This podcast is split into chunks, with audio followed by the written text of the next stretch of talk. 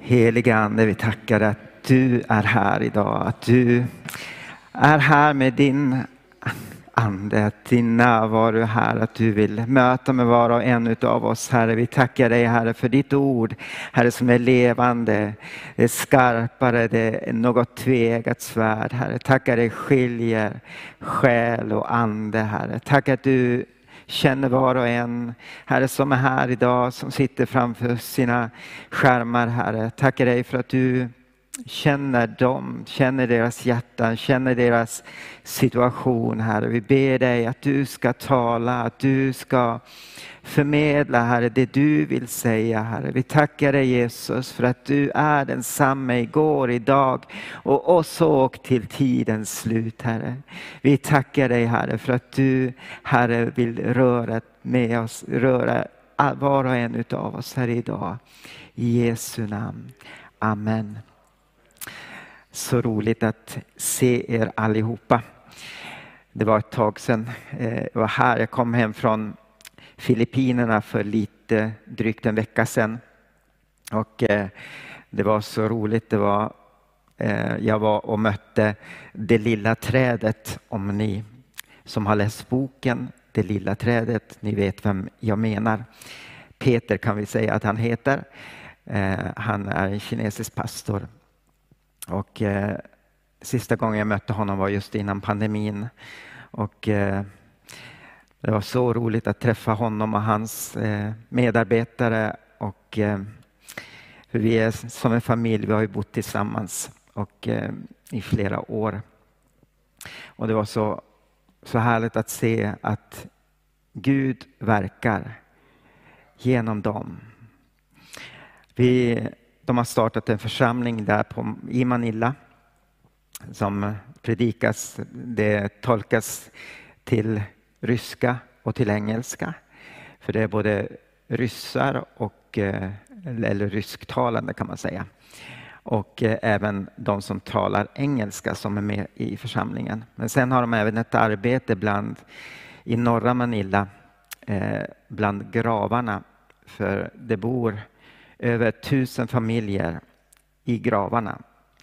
Eh, och eh, det är familjer med barn som inte har någon annanstans att bo. Och eh, de är fattiga och de försöker hjälpa dem med, med mat, med kläder.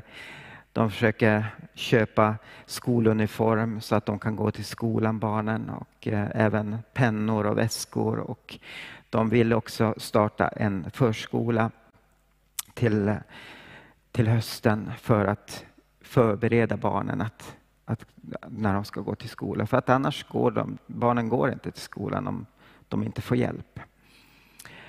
Och eh, sen gör de ju mycket annat, men det kan jag inte ta över internet. Så att, eh, men kom ihåg att be för det lilla trädet och vi har fortfarande kvar böcker här i kyrkan som ni kan, om ni inte redan har köpt den, så kan ni köpa den för 150 kronor. Den är mycket bra. Idag skulle jag vilja tala om nådegåvorna och eh, speciellt gåvor att bota sjuka.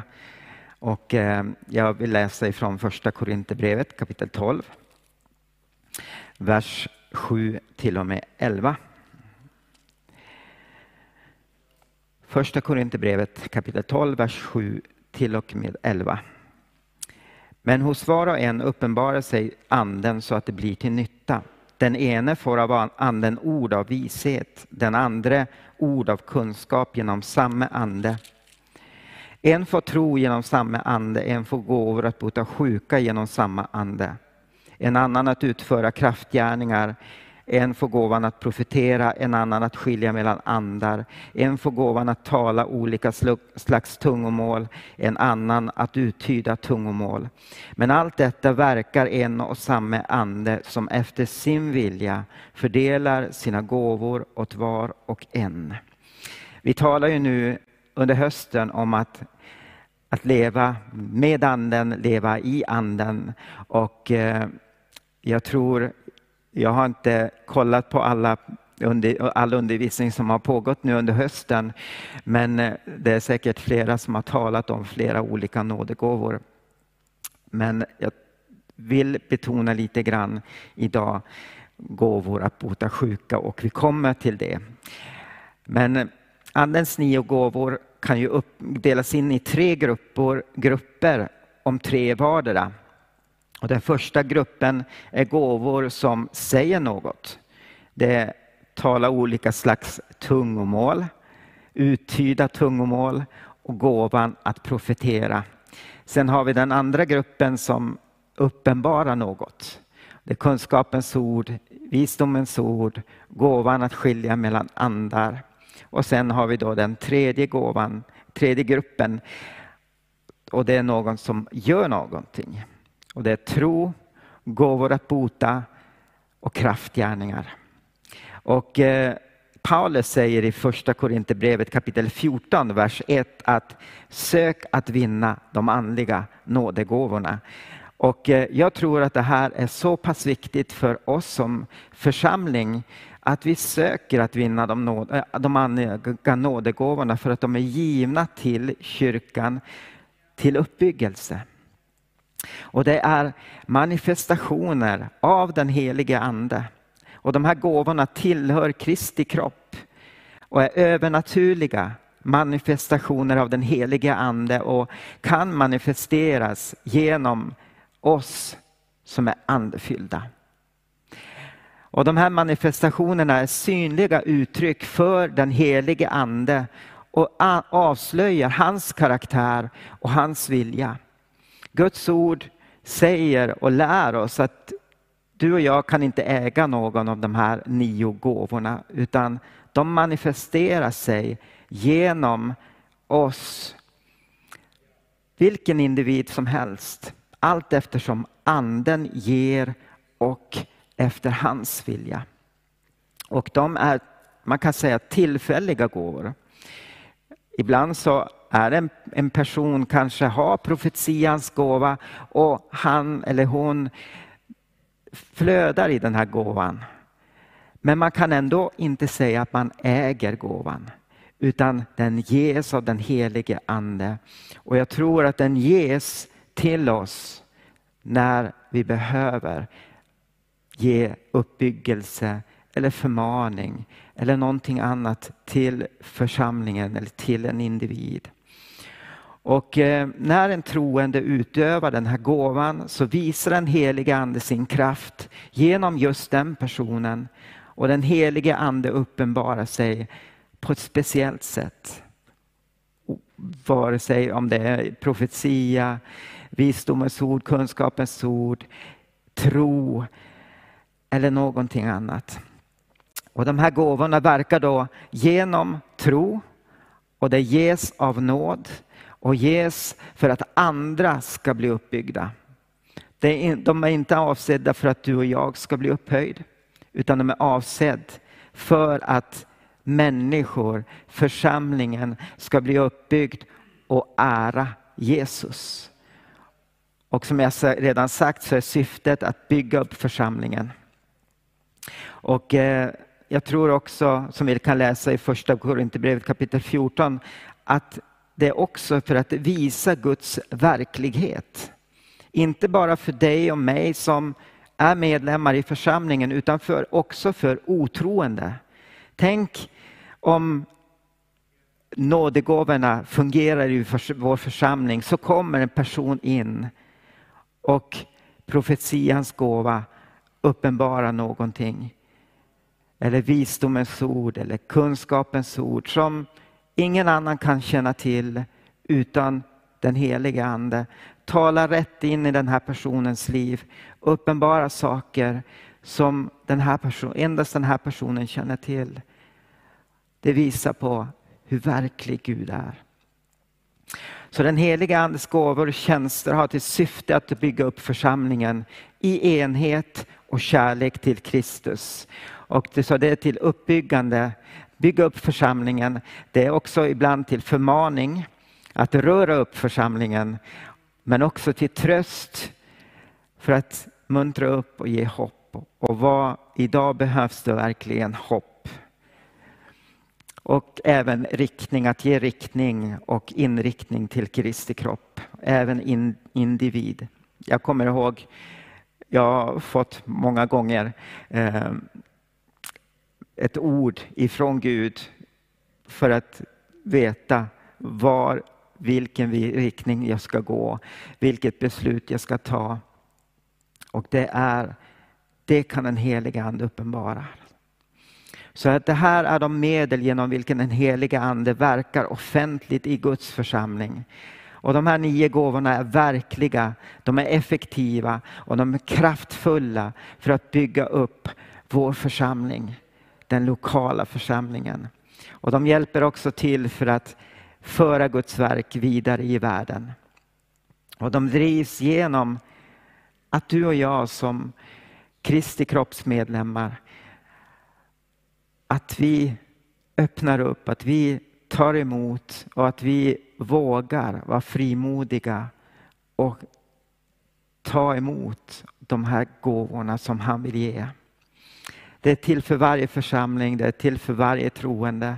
Och eh, som jag sa i början, att den heliga Ande fördelar gåvorna allt eftersom han vill.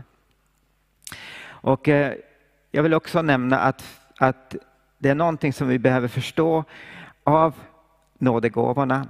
Att det ges fritt av Gud till enskilda andefyllda troende. Ni kan läsa bibelsverserna senare, det har vi inte tid med ikväll. De verkar av nåd och tro. De är inte baserade på mognad. Även en nykristen kan tala i tungor, kan profetera. De är inte heller baserade på rätt lära. Och jag vill bara förklara, kommer ni ihåg Korinthierbrevet, församlingen i Korint? Det står att de flödade i alla nådegåvor. Men ändå så var det splittring i församlingen. Det var, allt var inte rätt ställt med församlingen men ändå så flödade de i nådegåvorna. Nådegåvorna kan inte förtjänas och de kan inte köpas för pengar. Nu kommer vi till gåvorna att bota. Och det står i plural, gåvorna att bota. Och eh, det är många olika sjukdomar. Och eh, jag har ett exempel på en kompis till mig. Han hade gåva att varje gång han bad för människor som hade vårtor på handen så blev de friska. Men eh, så att gåvorna att bota är en av Andens nio gåvor. Och det är en av de här gåvorna som gör någonting. Och eh, precis att den heliga Ande ger den här gåvan för ett syfte. Att göra någonting, att till uppbyggelse för att någon ska få, få känna Herren. Och eh, helandets gåvor är en speciell gåva som ges av den heliga Ande till vissa troende genom vilka Gud botar sjukdomar och återställer hälsan. Och eh, utan att använda medicin eller andra naturliga saker. Och eh, det är övernaturligt som Gud botar människor. Och det finns fyra typer av helande som vi säkert känner till. Fysiska, känslomässiga, mentala och andliga. Och eh, när vi läser evangeliet, evangelierna så ser vi Jesus att han botade människor som var fysiskt sjuka, som, hade, som var känslomässigt sjuka, som var eh, andligt mentala sjuka. Tänk er den här lame mannen i Markus evangeliet som Jesus är i ett hus, predikar och eh, så förs en man, man, en lam man dit och de kunde inte komma in genom dörren så därför så tog de bort taket och sänkte ner den här lame mannen. Och Jesus han säger till den här mannen att dina synder är förlåtna. Och eh, de här fariseerna som fanns där, de tänkte för sig själv, vem är den här att han, att han, att han kan förlåta synder? Och då säger Jesus till dem att, eh, du kommer inte ihåg ordagrant, men han botade den här mannen. Han sa till den här mannen att res dig upp, ta din, eh, vad heter den? pläd och gå hem. Och, eh, så att han kan bota. Han som kan bota sjukdomar kan också hela de som behöver förlåtelse. Och eh, när vi läser evangelierna så ser vi att en stor del av Jesu tjänst det var helande.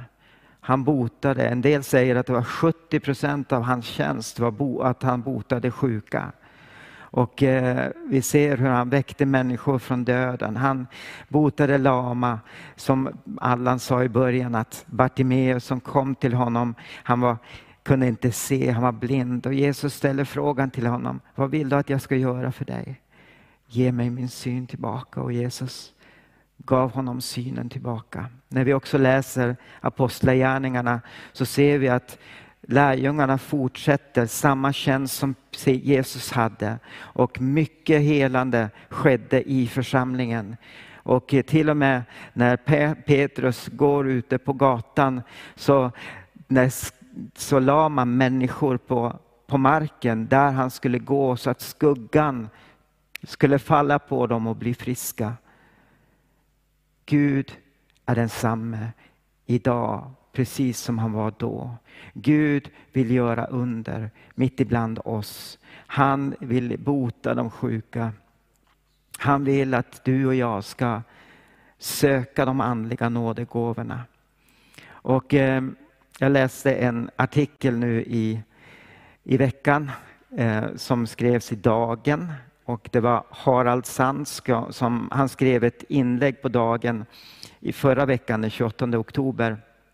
Och den hade titeln Mirakulösa fysiska helanden behöver bli naturliga inslag i tron igen. Nu vet jag inte om det var han som gav titeln eller om det var Dagen som gav titeln. Men han skrev den här debattartikeln i replik till, med anledning av alla de här artiklarna som har talat om att vi det är nedgång i våra församlingar, människor lämnar och eh, vi behöver få ett nytt uppvaknande.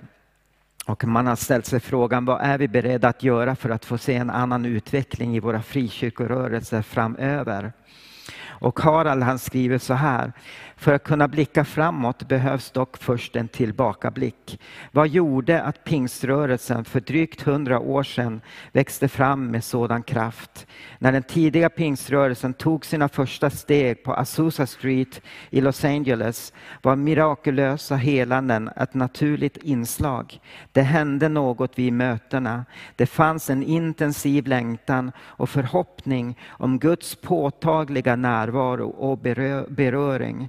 Pingsrörelsen växte som en följd av att nådegåvorna var i fullt bruk. Helanden sker, men jag tror de flesta skulle enas om att vi gärna önskat få se fler helanden. Men den viktiga nådegåvan att bota sjuka har tappat mark inom frikyrkan. Så långt Harald Sand och eh, ni kan läsa hela artikeln på dagen. Men jag tror att det är sant det han skrev. Och eh, när vi läser de fyra evangelierna, när vi läser apostlagärningarna så ser vi att helande var någonting som skedde hela tiden. Och eh, Jesus, det står i Hebreerbrevet 13 att Jesus Kristus är densamme igår, idag och såg till tidens slut. Han vill fortsätta att bota sjuka. Och jag tror att det, det borde vara mer i vår församling, att vi söker. Att vi är frimodiga att lägga händerna på de sjuka. Att tala in i människors liv. Att våga säga till människor att Jesus kan bota dig. Låt oss vara sådana som vågar vara frimodiga. Och söka vinna de andliga nådegåvorna och även den här nådegåvan att bota sjuka